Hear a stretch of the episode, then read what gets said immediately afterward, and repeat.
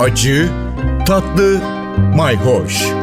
Yemek kültürü yazarı Aydın Öneytan'la bir tutam tarif, biraz da tarih. Merhabalar. Közde pişen yiyeceklerin tadı gerçekten çok başka oluyor. Özellikle kök sebzeler, patates başta olmak üzere kereviz, pancar, havuç, Bunların hepsi çok güzel közleniyor. Biz böyle mangalda közde yapılan patlıcanı hep ön plana çıkarıyoruz ama aslında fırında bir şey yaparken pek çok böyle gıdayı bir kenarda atabilirsiniz. Hatta meyveleri, soğanı, sarımsağı alüminyum folyoya sarıp fırına atabilirsiniz ve e, sanki közde pişmiş gibi usul usul kendi kabuğunda pişmesini sağlayabilirsiniz. Mesela Antep'te soğan kebabı vardır. Küçük kebaplık soğanlar seçilir. Arpacık soğanı gibi değil, daha iri ama küçük soğan. İşte onların dış zarları çıkarılır ama gene de zarı için içinde kalır ve şişe o şekilde dizilir. Bir et bir soğan olarak. Fakat o soğanlar ateşin alızında piştikten sonra hemen alınır. Kebap bir yerde sıcak tutulurken onların hızla o dış kabukları soyulur. Bazen hatta ikiye bölünür. O noktada bir tatlı kaşığı tuz, 4-5 kaşık nar ekşisi, ekşiliğine göre değişebilir. Yarım bardak ılık su bunları karıştırıp o soğanların üstüne koyduğunuz zaman o da bir bakır sahanda konulur. Üstüne de ikinci bir bakır sahan kapatılır.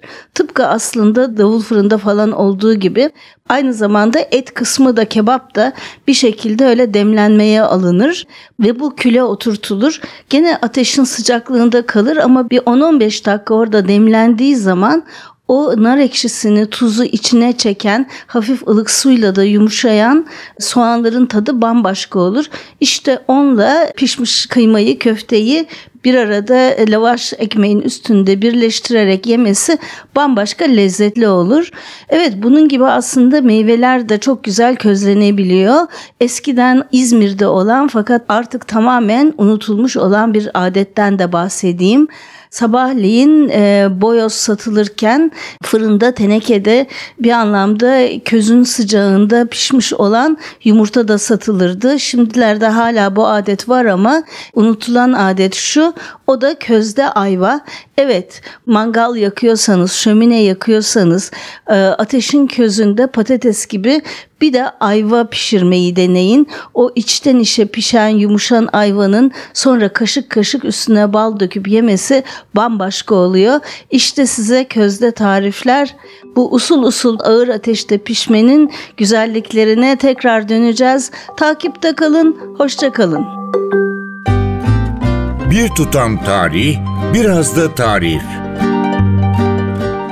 Aydın Öneytan'la Acı Tatlı Mayhoş Arşivi ntvradio.com.tr adresinde Spotify ve podcast platformlarında.